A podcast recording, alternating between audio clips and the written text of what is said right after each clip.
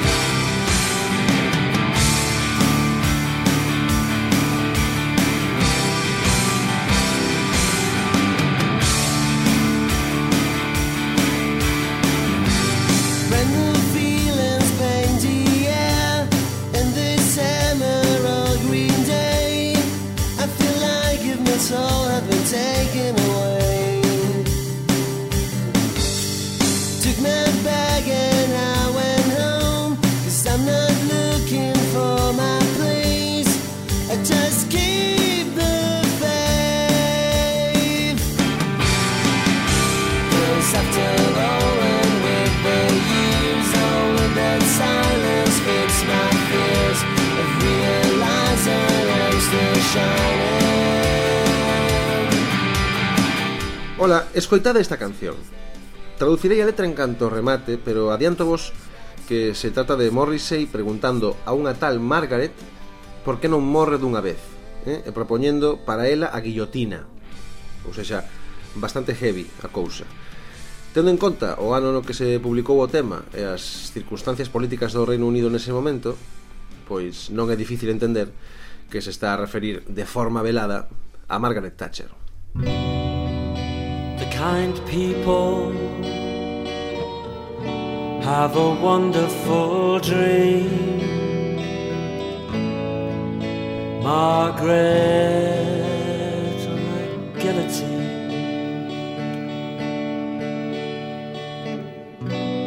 Cause people like you make me feel so tired.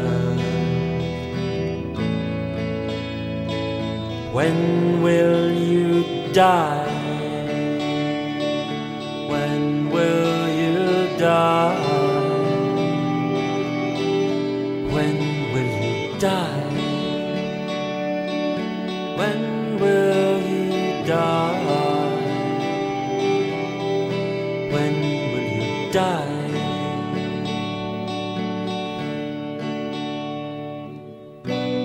And people like you make me feel so old inside.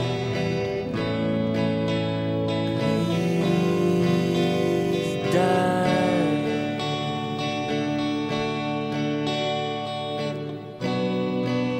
Unkind people do not shelter this dream, make it real.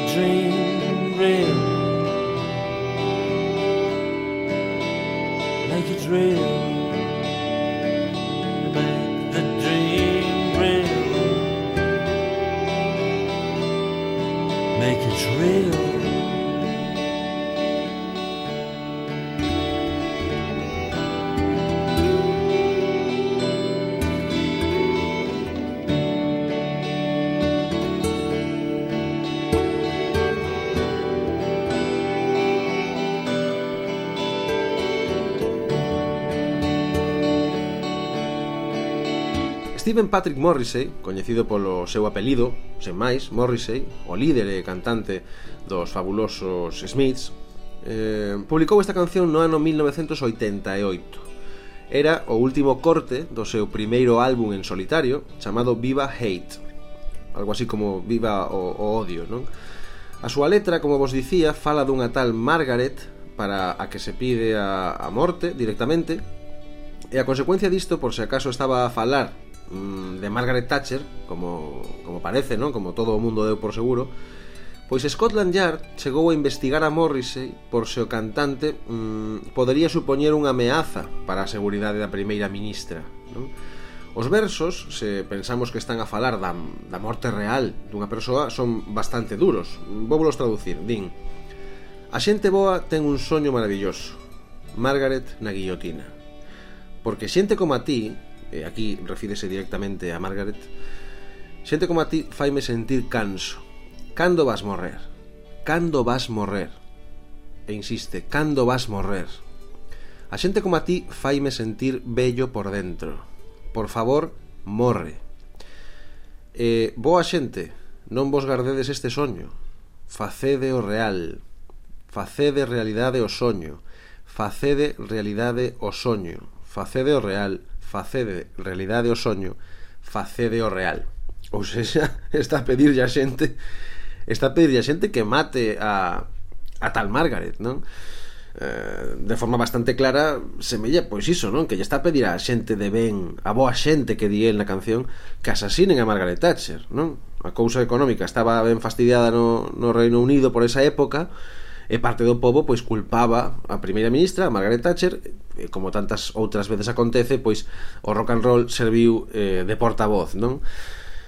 Moitas veces pasou isto. Richie James Edwards, o, o aínda hoxe desaparecido guitarrista dos Manic Street Preachers, declarou a principios dos anos 90 sobre o seu pobo natal o seguinte, dixo Blackwood está marcado industrial, económica e políticamente todo en Blackwood mantense como un recordatorio de 15 anos de decadencia.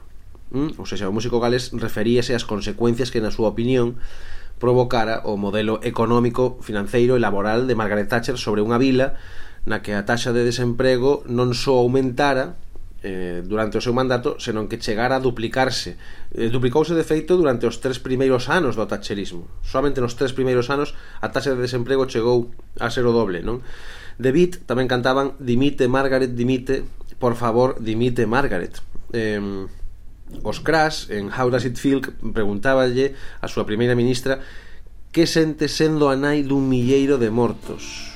Wow. Eh?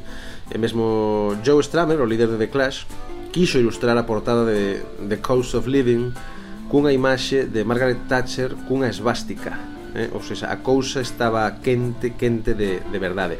A finais dos anos 80 e principios dos 90, eh, a música británica atopou no personaxe de Margaret Thatcher o, o malvado perfecto, non? O, eh, este, este personaxe perverso perpetuado ao longo da década na figura do seu sucesor, John Major. E mesmo Noel Gallagher incluiu unha frase de Tony Blair que era There are but a thousand days preparing for a thousand years na súa canción Magic Pie do álbum Be Here Now de Oasis.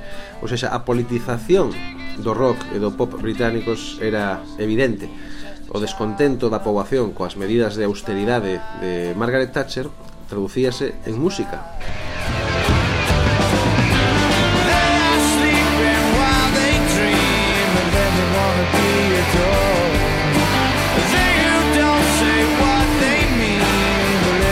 But they don't show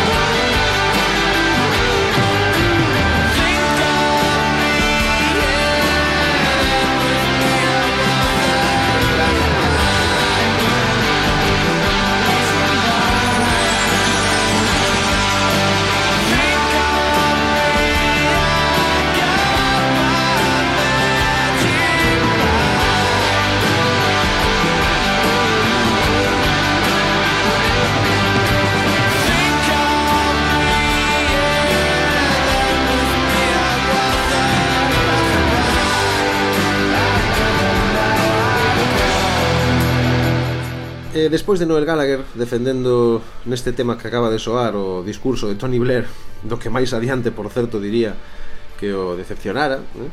pois continuamos. Non? Eu gustaba dicir que a politización do rock e do pop británicos era evidente, era tan evidente eh, a tendencia era esa de tal, de tal xeito que, que ese clima de descontento co goberno na música que se estaba a facer converteuse eh, un pouco por contraste no escenario perfecto para falar do contrario non? Converteuse no escenario perfecto para a todo aquilo que era diferente todo o que non tiña que ver eh, coa política. Para unha proposta que sen facer demasiado ruido rompese esa uniformidade non? E foi así como naceron precisamente The Cranberries unha banda irlandesa formada no ano 1988 que curiosamente comezara facendo cancións cómicas, non? Cancións un pouco de risa, cando aínda eran coñecidos como The Cranberry Shows ou The Cranberry Shows, eh, eh, era un pouco un xogo de palabras mm, para aludir o, o zumo de, de arándanos. Eh, esta banda, tras incorporación dunha nova vocalista que se encargaría pois, un pouco de, de reconducir o proceso creativo non? e outorgarlle pois, máis seriedade ao grupo, terminaría fichando en poucos meses por Island Records, grabando un disco, xirando por Estados Unidos, regresando a Irlanda sendo a sensación do outro lado do Atlántico onde eh, venderon máis dun millón e medio de copias e ocupando o número 1 das listas de vendas no Reino Unido. Aquela vocalista que un día chegou ao grupo, aquel grupo cómico, no, de Cranberry Sauce, eh, para, para converterlos nos Cranberries, aquela muller que o cambiaría todo era a sensacional Dolores O'Riordan, Ela, a que chegou e por suposto tamén chegou a banda o seu carisma, o seu talento e a súa sensacional voz.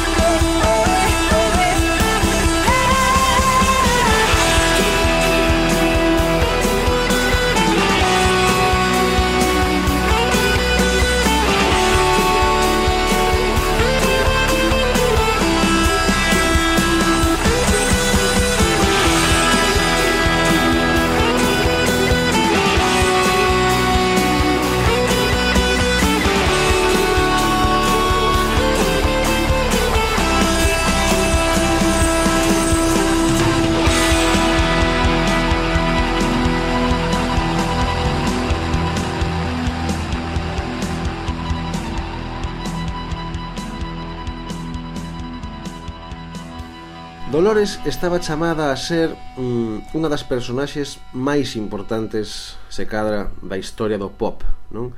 Era a máis pequena de nove irmáns, eh, dende que era unha cativa, estaba enamorada da música sacra, non? Formaba parte do coro da igrexa, compoñía as súas propias melodías, escribía as súas propias letras, chamábana, de feito no povo, a nena que escribe cancións, Na escola, mm, os demais rapaces pois consideraban unha nena un pouco rara, non? É certo que a súa infancia foi difícil, eh, o seu pai quedara incapacitado por unha lesión cerebral terrible que sufrira nun accidente de moto. A súa nai era a única que traballaba na casa e aínda por riba todos eles, ou sexa, os nove fillos e eh, máis os, os dous pais, vivían nunha pequena casa nunha zona rural que só contaba con dúas habitacións para toda a familia. Eh? Pensade en, en 11 persoas que teñen que dormir en, en somente dúas habitacións. Non? Nesta clase de panoramas mm, tan difíciles, tan complexos para os nenos é onde moitas veces acaban parecendo eh, moitos dos grandes xenios atormentados da música eh, doutras moitas disciplinas artísticas non? Dolores chegou á banda en 1989 en substitución do seu primeiro vocalista Cambioulle o nome o grupo, cambioulle tamén o carácter, e de súpeto, a pesar da procedencia rural irlandesa desa banda, de The Cranberries, a pesar diso convertéronse no paradigma do novo pop británico, non? Nun dos principais representantes de toda unha década. Ficharon por Island Records, como dicía, a compañía discográfica na que militaban grupos como U2 ou, ou artistas como PJ Harvey, gravaron o seu primeiro disco titulado Everybody Else is Doing It So Why Can't We que ven significar algo así como todo o mundo está a conseguilo ou todo o mundo está a facelo porque non podemos facelo nós e cando se decataron a banda xa era un fenómeno comercial. Nada máis chegar en parte grazas a cancións como esta Dreams que foi o seu single debut e a canción coa que se presentaron ao mundo. Case nada. Música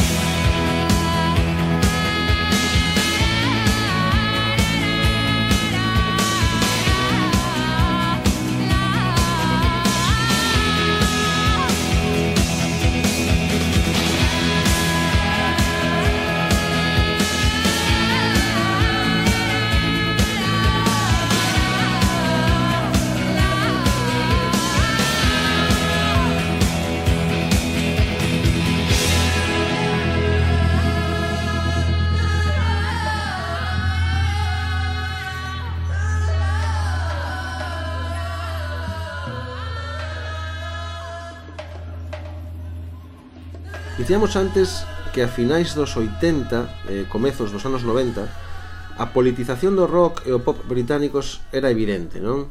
Eh, o descontento da poboación coas medidas de austeridade que dicía eu de Margaret Thatcher traduciuse en música. Pero The Cranberries eran unha das mm, mellores excepcións a esa regla.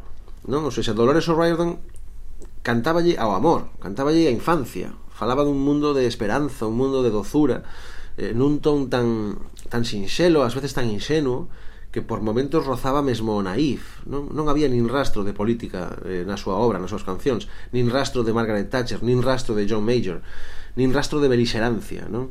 Eh, The Cranberries eran o arquetipo do pop británico formado a calor da hexemonía da MTV, non? Unha explosión simbólica, eh, estética, tanto no, no visual como no musical, pero carente de rabia, non? Carente de denuncia social. Eran eh, The Cranberries eran o novo modelo a seguir, non? Eran a eran a propia década dos 90 que tiñan todavía por diante. Eh, eran eles, era, eles eran esa década amable, vistosa, eh, na que todo era forma e case nada era fondo. Pero entón chegou o ano 1994 e as radios de todo o mundo comezaron a facerse eco do que foi o maior éxito de The Cranberries, o primeiro single do seu segundo álbum, titulado No Need to Argue, unha canción que arrasaría nas listas de vendas de todo o planeta. Titulábase Zombie.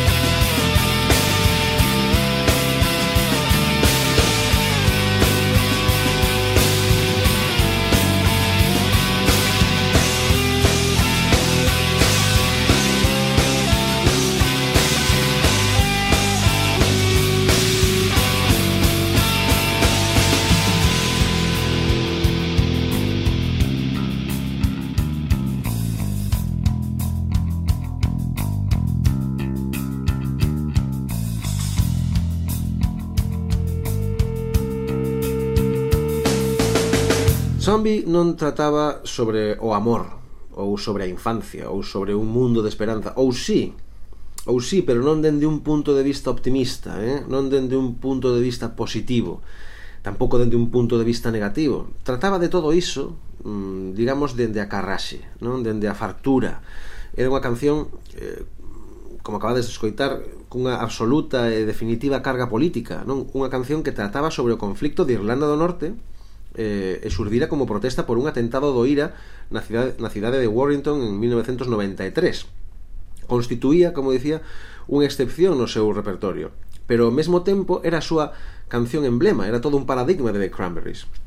Naquel atentado da cidade de Warrington morreron dous nenos, Jonathan Ball, de 3 anos de idade, e Tim Perry, de 12 anos.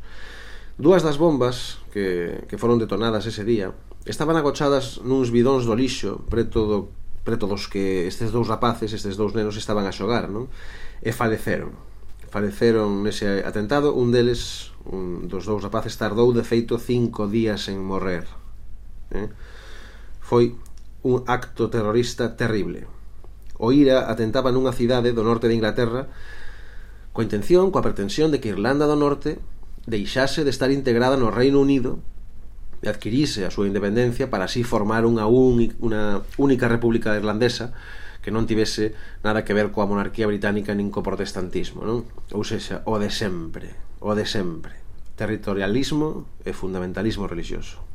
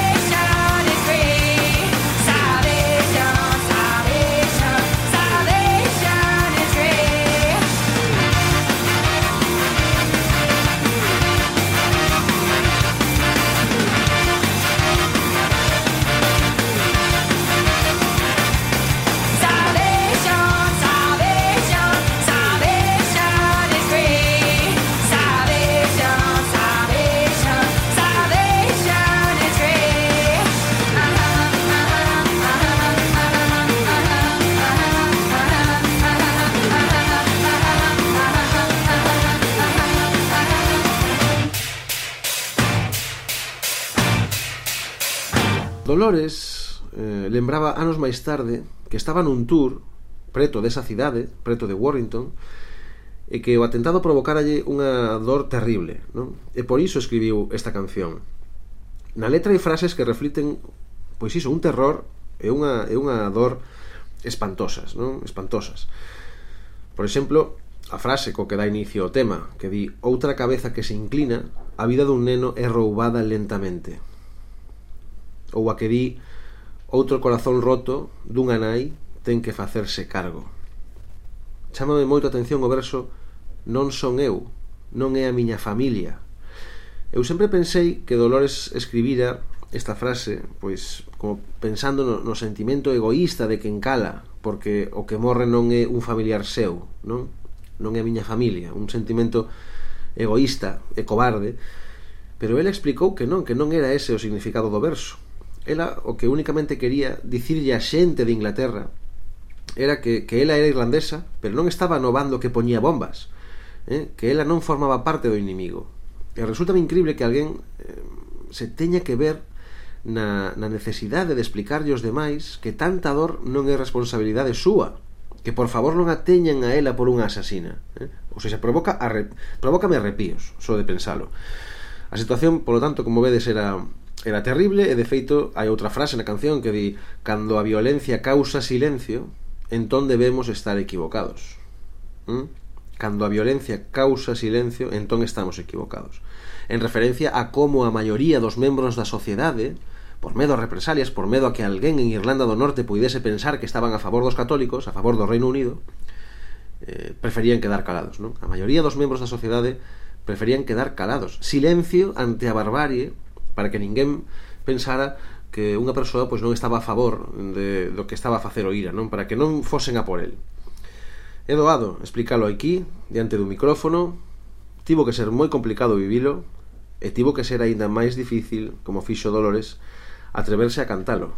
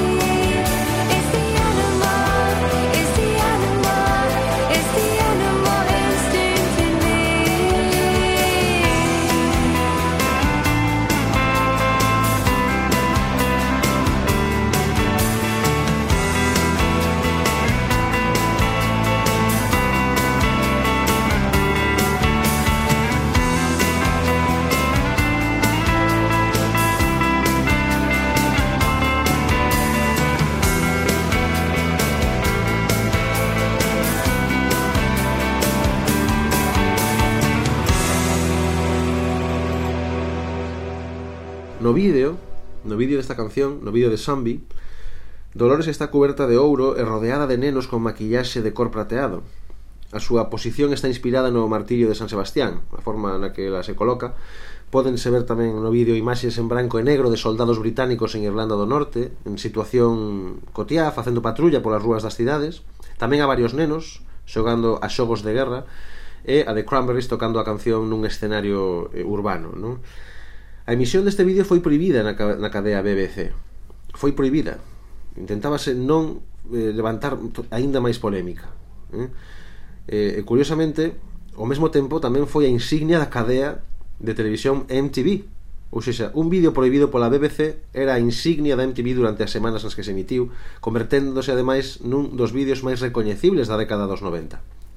Eh, eh, eh, Zombie, tanto a canción como o vídeo, é a propia década dos 90. Unha década que comezou con cancións que falaban de política, con cancións que demandaban cambios que repercutisen no, no benestar da sociedade.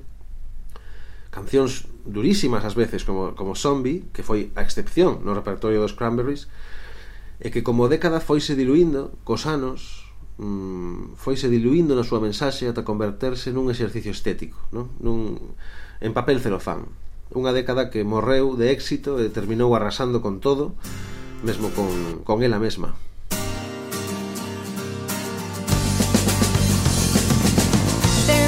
the game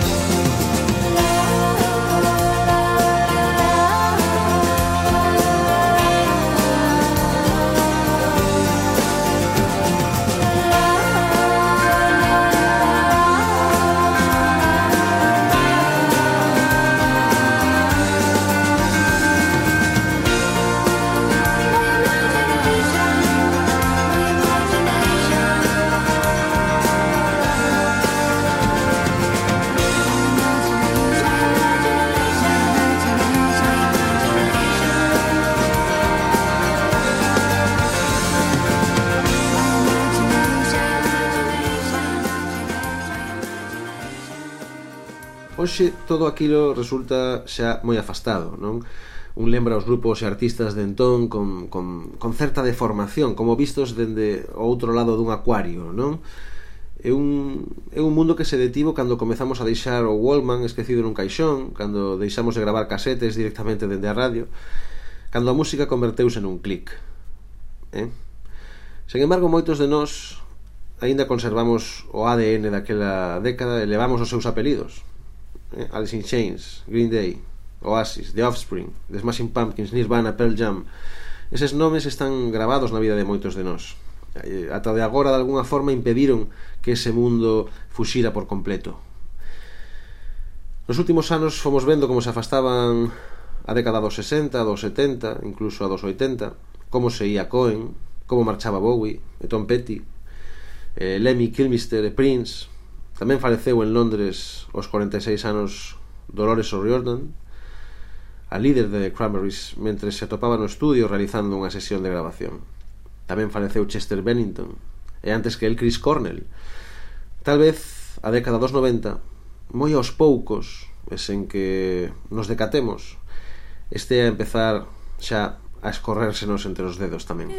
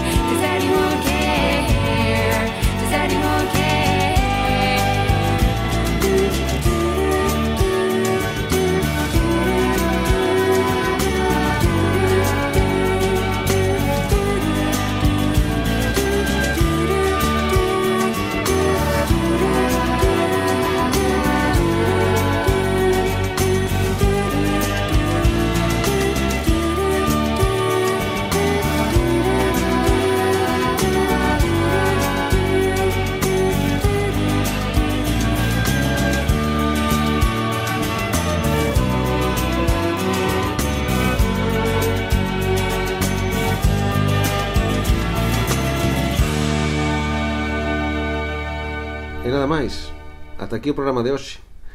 Un programa no que, como sempre, mm, trouxemos vos outra desas historias agochadas de algún xeito nas páxinas que dan forma ás lendas musicais. Historias que nos ofrecen unha cara pouco coñecida da música e dos seus protagonistas Que nos amosan a cara da que non se adoita a falar case nunca A cara B dos feitos cos que se construíron os mitos do rock e o pop. Espero que a desfrutase tanto como a nós e que a vindeira semana regresedes connosco a este outro lado oculto da música. Agardamos por todos vos na nosa e polo tanto na vosa cara B. Coidadevos moito. Música